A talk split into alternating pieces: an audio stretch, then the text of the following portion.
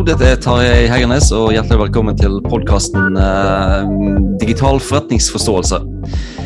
Og I dag eh, har vi en eh, gjest som heter Scott Meyer, eh, som, eh, som jeg møtte for en sånn eh, en, rundt ti år siden for Southwest. Southwest. Mange år siden. mange år siden. Og vi skal snakke om uh, Web 3.0 i dag. Uh, men før det så skal uh, Scott få lov til å introdusere seg sjøl litt.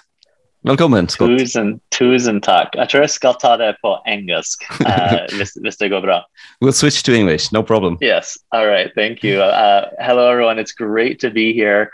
Um, I did have the extreme honor of living in Tromsø for five years, so I kind of norsk, but it's been it's been about as long as ago as we met. So it's over yeah. ten years probably since I've been in Norway. Um, but it's great to be here. I'm uh, based in Fargo, like the movie or the TV show. If you've seen the movie, I, I live in the north central part of the United States, oh, and cool. uh, yeah, it's it's it's cold, just like Norway. A lot of uh, Norwegian Americans, but it's a it's a fun place to be. Um, I guess I spend most of my time thinking about the future of education now. Um, my background is in first digital marketing, and I studied uh, Fredsstudier, so peace studies in Norway, so international relations, um, and really kind of combine those interests now to think about what's the impact of technology on education and what does that mean for the future of work and movement of individuals and and ultimately you know the well-being of, of uh, people in different parts of the world. So i'm excited about the current moment because of uh, new technology that has really enabled education to scale and, and take advantage of non-traditional learning. Um, so I'm sure we'll get into some of that. And that's kind mm. of led me to found a company called Ed3. So ed3.gg is the website. And what we do is, uh, you know, we write and think about the future of education, and then we help uh, clients integrate that into their businesses. So um, consultancy and a, and a blog and a podcast and all of that good stuff. So that's cool. what I'm spending most of my days doing when I'm not chasing around children or dogs or any of those uh, other fun things. Mm, cool, cool. And uh, the future of education, uh, I've been talking about it uh, a bit on this podcast because I, I think we were we were a very conservative uh, industry, um, high, higher education, maybe yeah. Uh, most of most of all. So yeah. um, I think we're gonna get into uh, the Web 3.0 uh, pretty soon. I just wanted like to ease us into it with uh, with um, uh, talking a little bit about the the main features of Web 1.0 yeah, and Web 2.0. So basically, when we talk about the Web 1.0, it was the the old school internet where um, uh, geeks probably like like me you and me uh, were we were more on like the message boards. We maybe did some html we had to use uh, ftp servers. It was it was open and accessible and not really controlled by anyone. And um, but you had to have a certain degree of um, technological technological knowledge to uh, be able to participate in uh, Web 1.10, the first version of the web. And then Web 2.0, which we are in now, or maybe we're at the end of Web 2.0, is where uh, basically the, the web came became more accessible for more people. Uh, so uh, my uh, my parents and my father-in-law they're in their 70s but they're posting pictures on facebook and uh, snapchat and and tons of followers. Yes yeah and um, there was liking there's always liking my posts of course. So so but it, it was to sum it up is it it became more and more centralized uh, on fewer services. So mm-hmm. mostly when when my, my, my parents or uh, my father-in-law and other people interact, it's through Facebook, Instagram, Twitter, and it's it's uh, it's easier to express yourself and to participate. But but then we have some big monopolies that are that are sitting on yeah. our information that is um, a lot of people are concerned about that, and I think that's um, and rightly so. So um, to Web 3.0. So how does that differ from the web that we are familiar from? yeah. Now. yeah, I think about Web 3 3.0 as a you know kind of a, an evolution or an era, and also technology. So as an era, kind of like you talked about, I, I think about that Web one is is uh, often referred to as read. You know, you can go read stuff online; it's all there, information there. Web two is write. Like now, all of us are publishers. Like you said, your parents can can put stuff online. Mm. And what Web three does is it adds ownership. So instead of putting your photos on Instagram and that's owned by Meta, um, and they can you know run ads against it or use it however they want, I can actually control um, who has access to my information, and I can even get paid for it. Um, and so you can add a, a level of ownership in Web3, mm. which is really interesting. I think the two big use cases for Web3 is identity and trust, which unlocks a lot of more specific use cases. But essentially, with Web3, um, we can we can control what information we give out. Um, you know, and with in the Web two world, you might log in with Google or log in with Facebook or whatever it might be, and all that information is getting passed and, and often purchased and sold, and, and you don't even know where it is. With Web three, you essentially have a um, often a wallet, and you you connect to websites, and you're giving them permission to access your data, and you can cut that anytime you want. So a lot more ownership, and then the trust is really fascinating with Web three because um, it's really hard to do things in the world without trusting a person. So we've mm-hmm. built a lot of intermediaries, whether it's a bank. So if I'm going to send you money, it goes to a bank because we trust that the bank has the money, or maybe it's a registrar at a university to say, uh, Tarja actually did his uh, degree and this piece of paper says it's true. Um, but with Web3, what we can do is we can actually uh, have digital contracts. So we can we can prove trust without actually knowing someone else. So that unlocks a lot of interesting things like cryptocurrency, um, alternative education. So I think Web three is a evolution, and um, I wouldn't say I'm like a Web three maxi that this is going to revolutionize and change everything, but I think it's going to add a layer of ability of ownership that we don't have now. Mm. So um, you're talking about wallets and cryptocurrency and, and stuff like that. So uh, then we're then we're talking more blockchain technology and distributed ledgers and and and stuff like that. So it, that is that a big part of Web three? Yeah, I think that's a big you know some key technologies and and with the blockchain, a ledger, you know, essentially it's a it's a really good way for everyone to agree on what's true, and it's really good at keeping track of things. Um, I don't think everything should be on the blockchain because once it's there, it's there forever. So there's a lot mm. of interesting questions with um, what do you put on the blockchain and, and could that lead to unintended consequences, right? So if I say that I graduated from a Norwegian university and uh, am I going to be discriminated against in the United States because I'm not American, I'm Norwegian, you know, so there's things like that that are kind of interesting to to think about. But I think mm. those are big pieces. Uh, I think another really big area I'm excited about is also how it reorganizes work. Um, and I think this is part of a larger trend, but uh, a term you maybe have heard of is a DAO, so a decentralized autonomous organization. It's essentially a way for people to come together and work on a project. And what I'm seeing is more and more people are not just working nine to five, but instead they're working lots of little projects. And what the blockchain allows us to do is to keep track of what people are doing and actually they can get compensated. So you are an expert, you know, in digital transformation, digital technology um, you wouldn't take a full-time job with some organization building something but maybe you go in there for 10 hours and you get paid just for that and you mm. in, connect with interesting people and also you can show your employer or other people like here's what i did right you almost have a living cv because it's uh, all shown and all saved on the blockchain for anyone to see so i think that there's some mm. interesting potential there too uh, uh, just a, uh, a follow-up question to to uh, what you talked about with um, what should be on the blockchain and what should not be on yeah, the blockchain. Yeah. So um, let's um, let's say that I wanted to uh, not let people know that I'm from Norway. So yeah. if I if I control the information on that blockchain, could I then just give them access to the pieces of information I want them to read, exactly. or uh, or yeah. or should it be open all the way? Or yeah, that's a that's kind of an ongoing debate. Um, mm. The the form that I think will win out and that should win out is called verifiable credentials. Mm. And basically, what that means is that you can control which pieces you would put on the blockchain.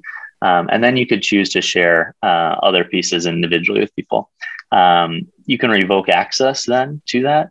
Hmm. Um, and so that that is you know powerful if, if you want to show an employer something, but you don't want to show that to uh, I don't know an organization that you're going to work with. Um, the power of the blockchain though is that when things are online on the blockchain, other people can you can become part of other communities. So you could imagine um, you have a big podcast following, and right now they're all subscribed to you on uh, you know on uh, on a podcast player.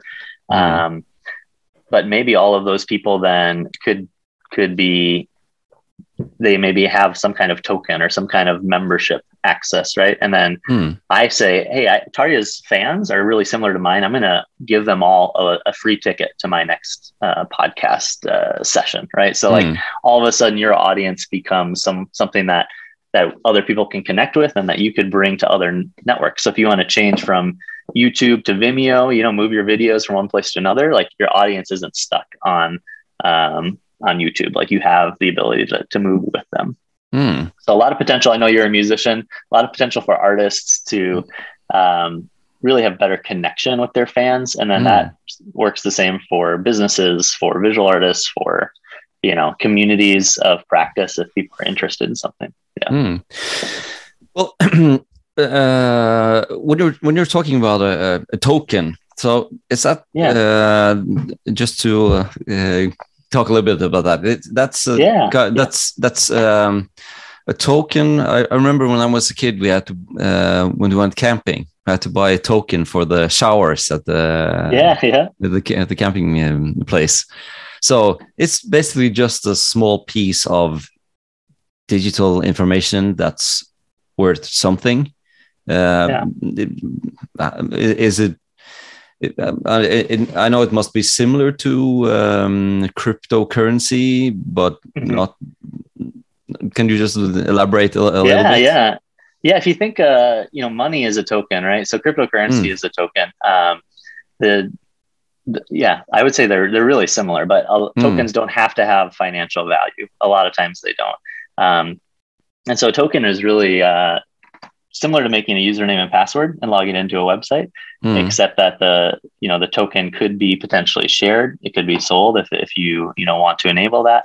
Um, what I'm seeing is that tokens unlock experiences. So if you have a wallet in Web three, anything that you get, whether it's cryptocurrency or tokens or NFTs, which would be another type of token, mm. it all lives in this in this storage place, which which is your wallet.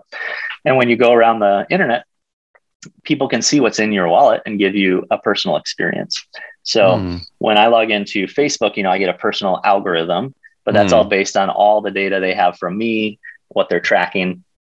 With a wallet, anyone could give me a personal experience based on what I have in, in that wallet. So mm. a token for the um, you know, for the Norwegian death metal band, maybe mm. I get, you know, a, a, different price, or I get uh, to come to the show early, or I get a mm. video that's for members only, right? So, you can get these personal experiences, and I'm excited about how that transfers offline as well. So, you can imagine where when you go to a, a conference, um, I don't have to wait in line because I'm on the list, right? And the list mm. is essentially from a token.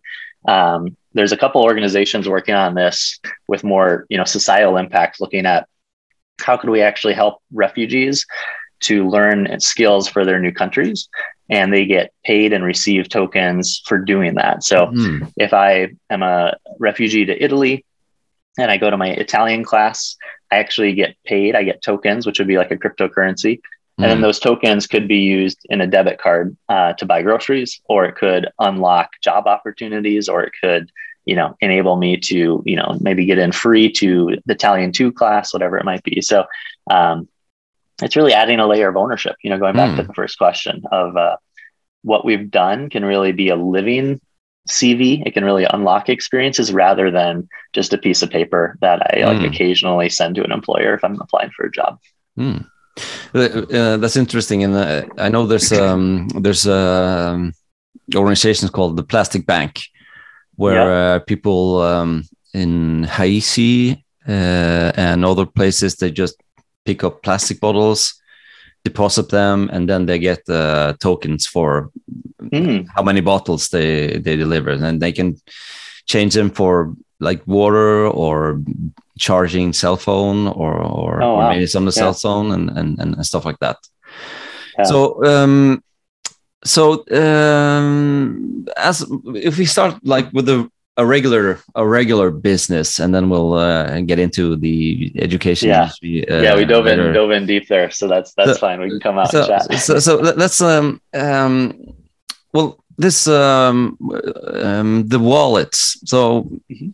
if i'm uh, i'm fascinated by the wallets but is there a is there a common wallet that you could use that um like uh, non-proprietary for for the services or would they have to make a wallet for each organization uh, or each institution where I do education, or should I have um, a wallet for every band that I like? And no, yeah, no, you'd have a so, so- you'd have you'd have one wallet, um, and and you could have any kind of tokens in there. So, for example, MetaMask would be an example of a wallet. And you know, in my MetaMask, I have NFTs that I've purchased. I have POAPs, which are basically a token that shows things I've attended, conferences, concerts. Um, I would have my verifiable credential showing my educational experience in there. Uh, I have cryptocurrencies in there. Um, so Mm. you would have a lot. you'd have everything in a wallet, and um, you can have multiple wallets. So a lot of times people will do that to have multiple identities, just like you might have a, Mm. you know, in the old days you'd have a personal Facebook page and a and a business Facebook page. Yeah. Uh, or that's M- kind of- you MySpace. could do that way. Yeah, exactly. Yeah. Um, but I think what you're going to see is that um, someone's wallet is really becomes their digital identity, and you know we love to show off, right? Mm. Um, and so in the real world, we buy clothes with the brand names we want to show off, or you know the Hard Rock sticker of where we've been. Mm. And digitally, how do you do that? In video games, it's really normal to buy skins, to buy Mm. extras, you know, in a video game. Um, and so I think wallets become the the digital version of kind of showing who we are, what we've done, what we what we believe in. Um, and just like video games, what's interesting then with Web three is that all of this is interoperable.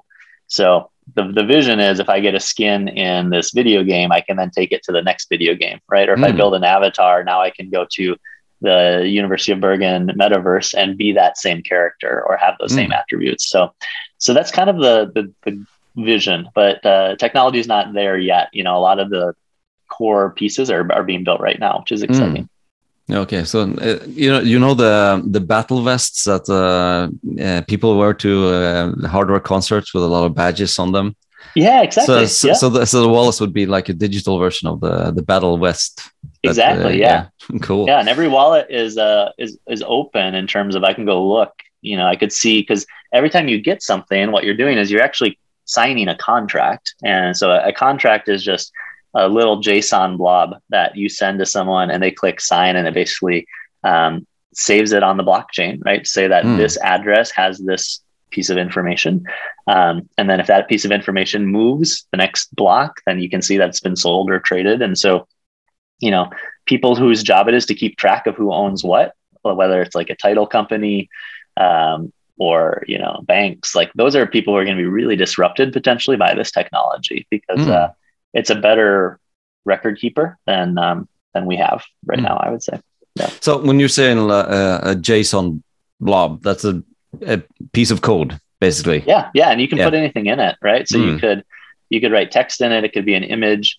Um, I've been experimenting with uh, what I what I call the disappearing NFT. So you could actually have a credential or a token that um, that disappears over time. So maybe if you get your CPR training for the Red Cross, it only Hmm. lasts two years, and you have to retake it. So you have that for two years, and then it you know it goes from bright red to pink to almost disappearing, kind of like Hmm. uh, Back to the Future's uh, yeah. guitar playing hand.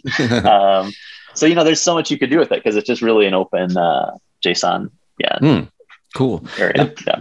So, uh, um, what about like loyalty programs at Yeah. Starbucks or whatever? Is that would that be too um, would it be too complicated or too uh, costly to put those in wallets, or is it? Yeah. do you do you think at at at one point in time, maybe not today, uh, that no, I think it, that would make be, a ton of sense. I think, uh, yeah, you know, the the benefit of Web three, the reason why you would use that instead of existing solutions is that it's not for one company, right? So mm. Starbucks wouldn't want to because they want to own the information. Yeah.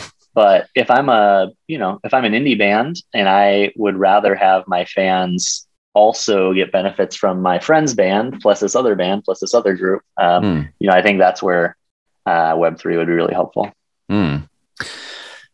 Cool. Um, so yeah, let's. Uh, so th- there's there's a lot of there's a lot of use cases we can see, and one of them could be loyalty programs and and um, and other stuff. And for also for, for bands, you could also, if you could um, uh, see how many plays the different fans have they can like wear that yeah. as a badge like i listened to this album 10,000 times or something yeah and then they get yeah they get yeah. a better ticket price right yeah, yeah or something or, or first row tickets or um, something um, that's cool and if we if we move a little bit further to to the Ed3 uh, which i found is uh, extremely interesting.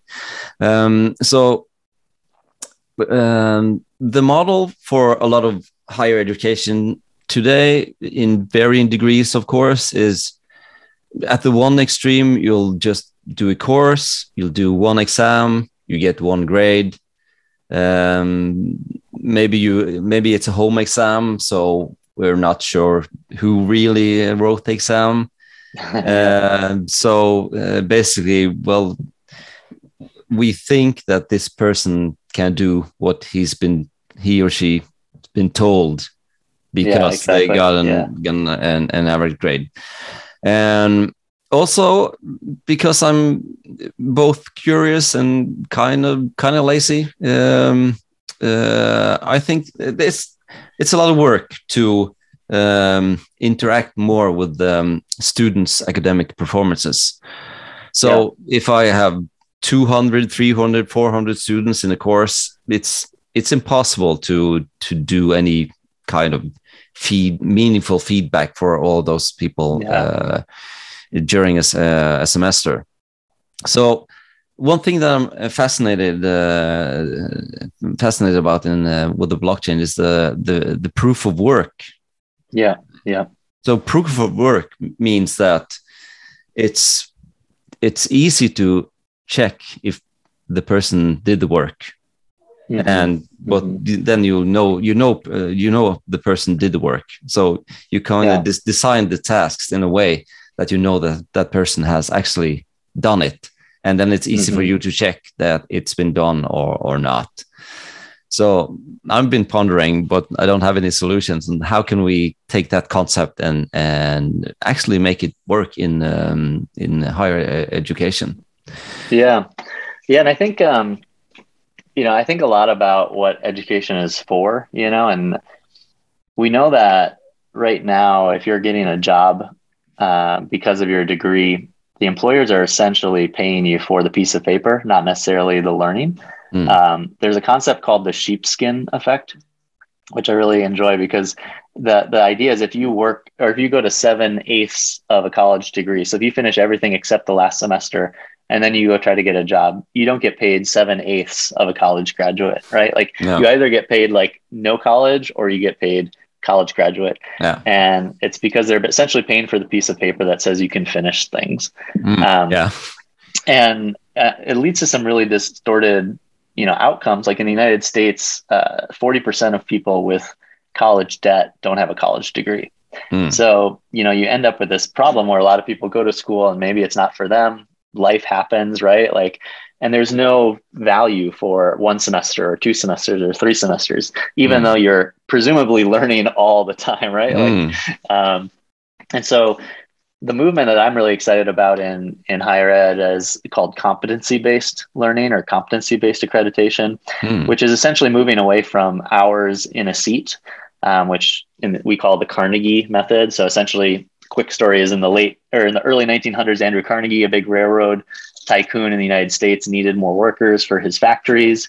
So he developed a system that said, you know, if you're in a classroom for 160 hours, it's worth three credits and you need 120 credits. And, and that's basically the system most of us work in still today. Yeah. Um, but there are some schools that are looking at that and saying, what are the skills that you actually get from these classes and what are the skills you need to then go do this job or that job and then how do we prove that you have the skills which gets to this concept of proof of work mm. um, and what i'm excited about there is when you break things into skills then it matters less how you get the skills it's more that do you have them right mm.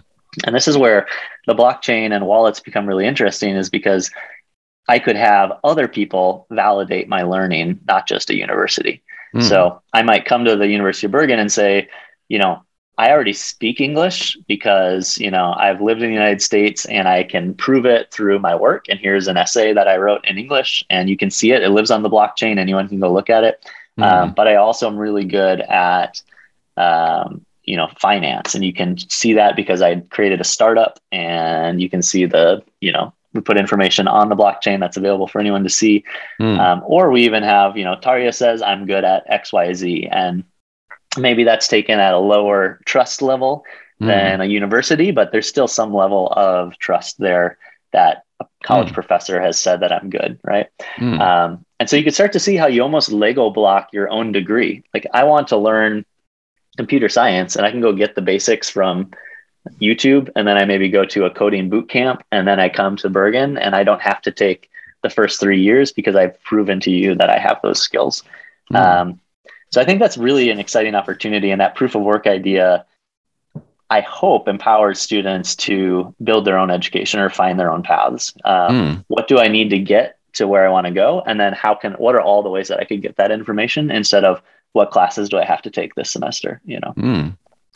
Yeah interesting and and and also i also i also been thinking about what, what you said with um with the like documents and, and stuff um, online or on the blockchain. So I, i'm also thinking that uh, it also could be like a verified repository of student uh, um, assignments and yeah. tests and also um, uh, i do some classes. I do um, peer-to-peer evaluations so yeah. both uh, your assignment, but also your uh, evaluation could be a part of of the blockchain uh, right. information. So it's more. Yeah. It could more be like a um, uh, uh, a public fo folder, or um, as we talked about earlier, with the um, verified credentials, that where you could choose which one of these things should uh, be be visible to everyone, and which should be, yeah.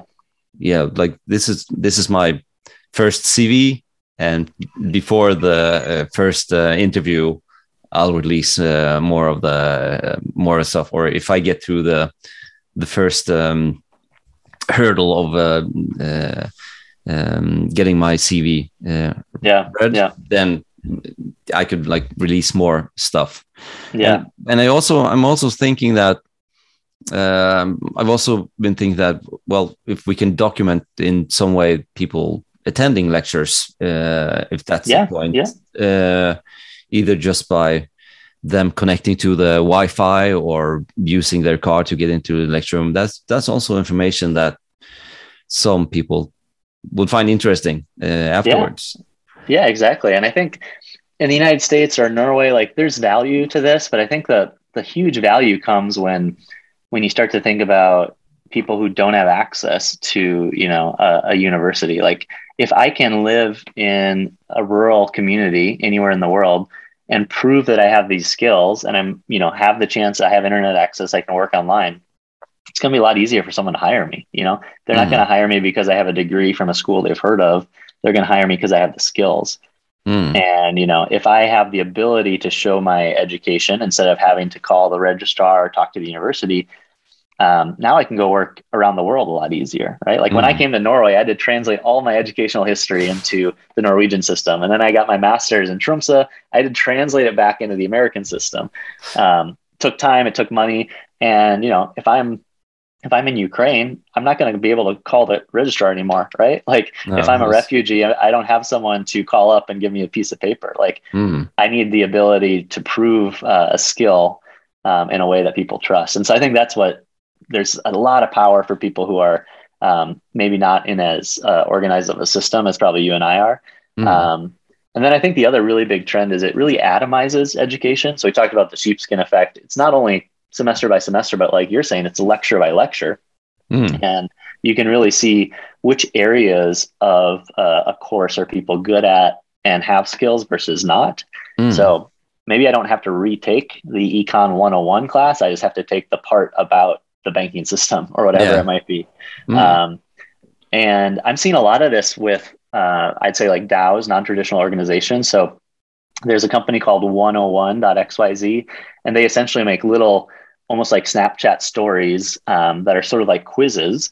And companies are using those for onboarding. Um, mm. So if I join a community and I want to help them, um, like uh, I'm in a community called Ed3 DAO, and it's for educators who are trying to build curriculum about Web3. Mm. Um, if someone joins the community, I want them to learn a few things about the community and learn where they're at. By taking this quick quiz, now all of a sudden, like they can access different parts of the community and other organizations and employers can see that oh they've been working for six months with this dao and i know that's a really good organization so they'll probably be good for my company so there's a lot of lightweight versions to do this that i think are really powerful mm.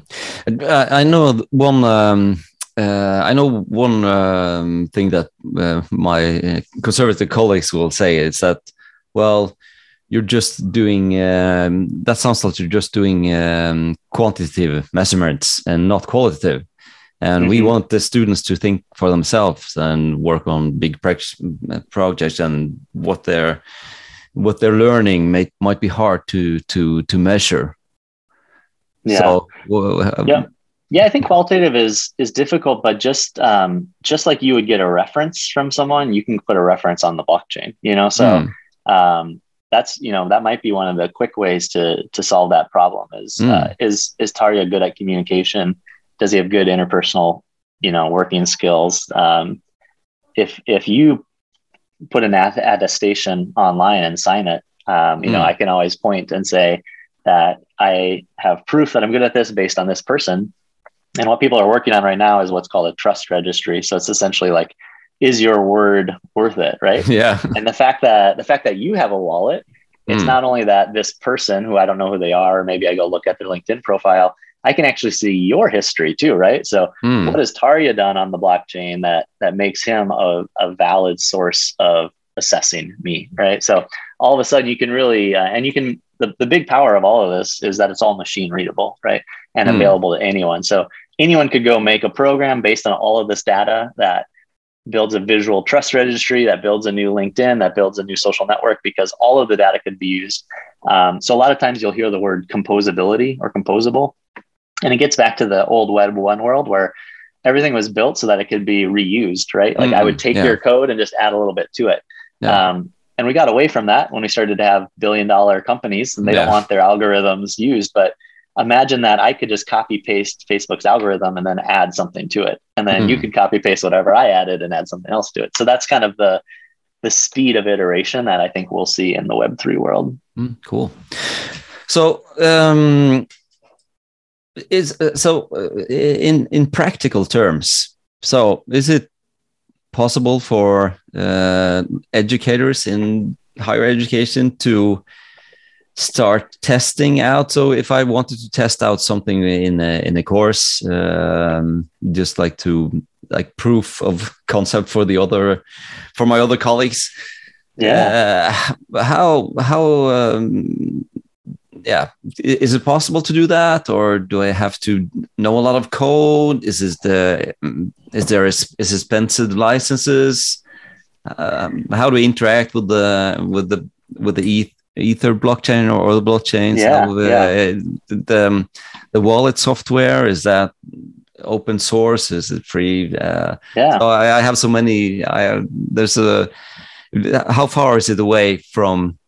Uh, from normies. yeah, no. let's let's say for the for for the for people like me who are really interested and I do a bit of hands-on, but I'm not uh, not I'm not a programmer. Uh, yeah, anyway, yeah. But there, less, less, there's there's some people like me in higher education. And yeah, for sure. and then there's um, the others who uh, struggle to find out how to share their PowerPoint in Zoom. Yeah. So, yeah. So, so, so, yeah. I think this is uh the tech's ready for someone like you. If if you know you're not using Zoom well or not sure, like it might be a little bit till it gets there. But if you're able to install an extension on on Chrome or on mm. your web browser, like you'll be able to do this. So mm. most wallets are are web browser extensions. So you just go to the Chrome store and you can install MetaMask, and then mm. you you create your wallet. And the important thing with wallets is there's a secret phrase that's kind of like your your password if you lose your account. Yeah. Um, that's the piece that you have to keep secret. And your wallet address is kind of like your home address. Like that's where people send stuff. So that's public information. Mm. Um, so what I would do is get a wallet if you don't have one.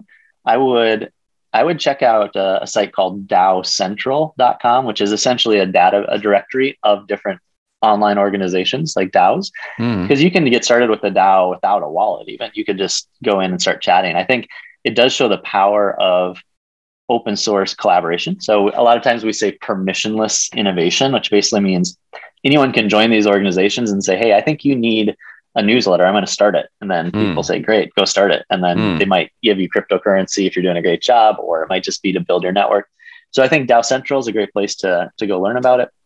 And then if you're an instructor, I would look at um, the 101.xyz that I mentioned or mm. POAP. So it's P-O-A-P.xyz. And those would be great for um, confirming attendance. Uh, so POAP actually stands for Proof of Attendance Protocol.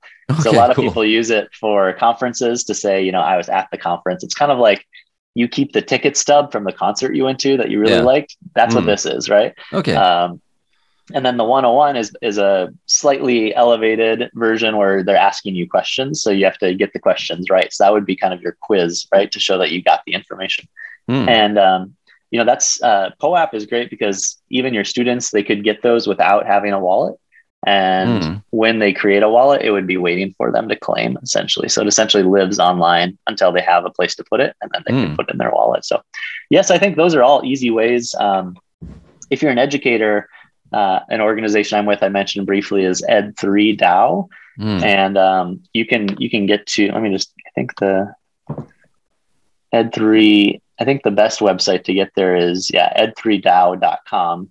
Mm. Um, and so you could actually join that community, and that's all. It's built by teachers for teachers. So there's mm. um, about 2,000 educators in there who are teaching using Web3. So that's a great place okay. to go ask specific uh, questions about being an educator and how to use cool. this new technology. So, so the mission there is onboard a million educators to the world of Web3. Um, so that's you can come help us out and then join the join the movement. Cool, cool. Um, I, I will sure to put some uh, some links in uh, in the description for the this yeah, episode. for sure. And yeah. um, uh, I'm I'm also th thinking that there probably should someone uh, must have thought of already how to export uh, things from um, LMSs or like Canvas or or itslearning, and somehow put that on the blockchain and connect to a student's uh, wallet. Yeah, it's interesting. I mean, you, you definitely could. I wonder. Uh, the question is always like, what's the value, right? So, mm. I think what we might see is that there's a, a thin Web three layer on top of things, and then mm. you hmm. have like an LMS underneath it. And when they achieve something, or there's something that they're going to want to use, like that gets pushed up. But mm. your day to day you know grading or maybe chat board or things like that that you might use in class like maybe that stays where it is mm. and, and, it's more um, validation verification uh, yeah. uh, that goes up to the blockchain i think yeah maybe and and maybe assignments or p2p evaluations yeah. or tests yeah. or whatever whatever could be yeah and part, I, I think what i always tell people yeah and what i always tell people is like it's so early you know like i'm on um, I'm on the IEEE, which is an organization that's creating standards, and the W3C is another one. So, mm. you know, these are the folks who said how FTP would work and how email protocols would work in the early 90s. And right now they're working on verifiable credentials and Web3. So we're literally at the point, if it's the internet, this is like 1992, 1993, when the internet is still not able to be commercial and mm. just transitioning. Um, and i think that's a huge opportunity for your students or for anyone listening is you know if you spend three to six months in this space like you're an expert you know mm. it doesn't take long to be one of the most knowledgeable people and you can actually help build the future protocols and, and technology so i highly recommend people explore it because it's um it's early and it's powerful. Mm.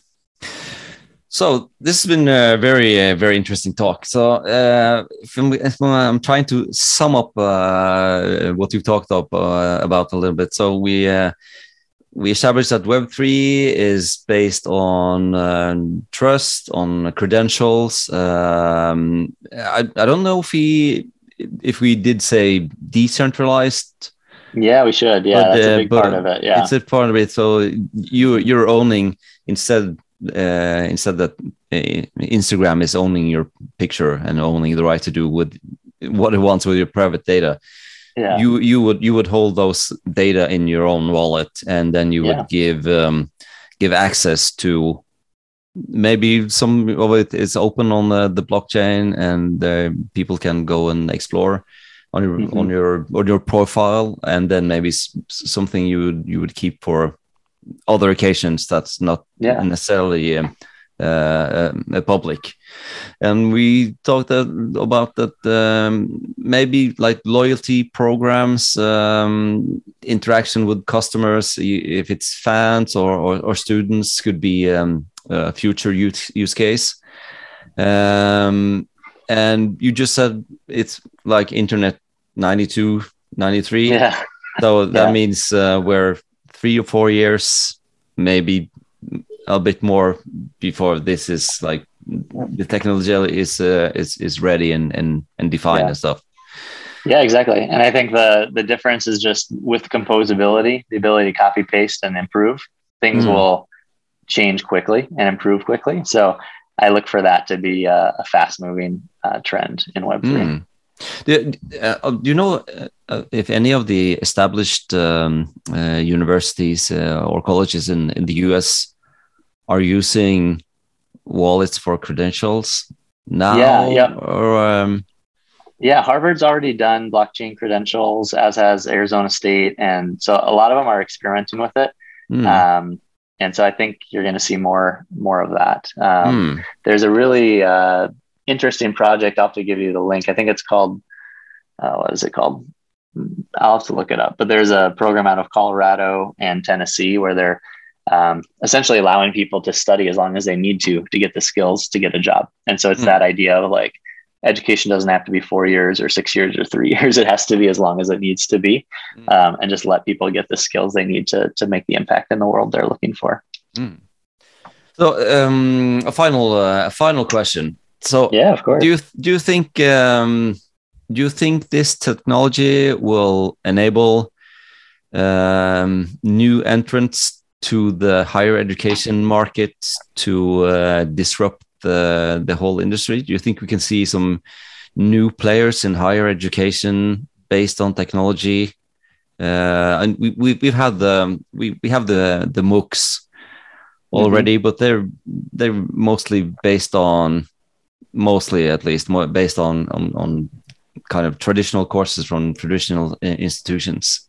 Yeah, yeah. So, what, what do you think? Uh, I'm thinking that being that we are so conservative, it's uh, yeah. it's like it's pretty open to come and snatch a lot of uh, yeah.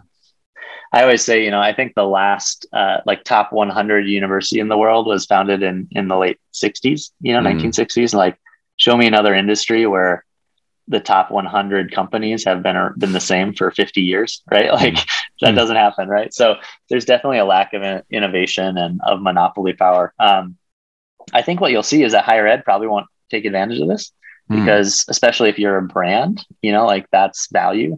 Mm. Um, but I think what it's going to do is open up other people to be educational institutes.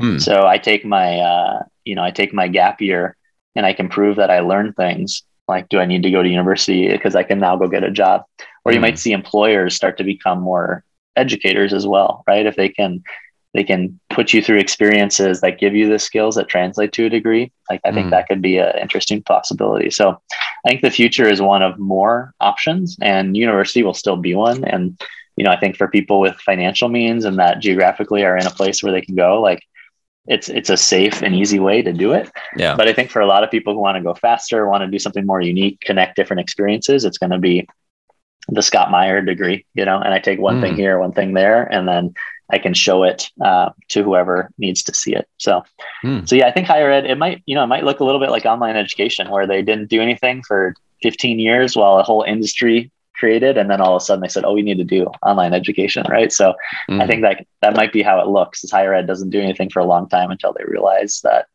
uh, they're losing students. Mm. Yeah. Okay. Cool. So, um, thank you, uh, thank you very much, uh, Yeah. Scott, for for this talk. It's very interesting and um, uh, and and inspiring for me as an an educator, a, Yeah. education um, educator. That uh, I've been pondering a lot about how, and I, all, I, I've tried for the last 20 years i tried to enhance education with the technology. So this is um, really Yeah. interesting. And um, i hope uh, someone else also someone uh, of my colleagues and, and other educators can get uh, inspiration from from this podcast. So, Well, I hope you join the DAO and, and help us build the future because there's a lot of work to be done for sure. yes. All right thank Good. you Yeah, we'll talk soon. okay bye bye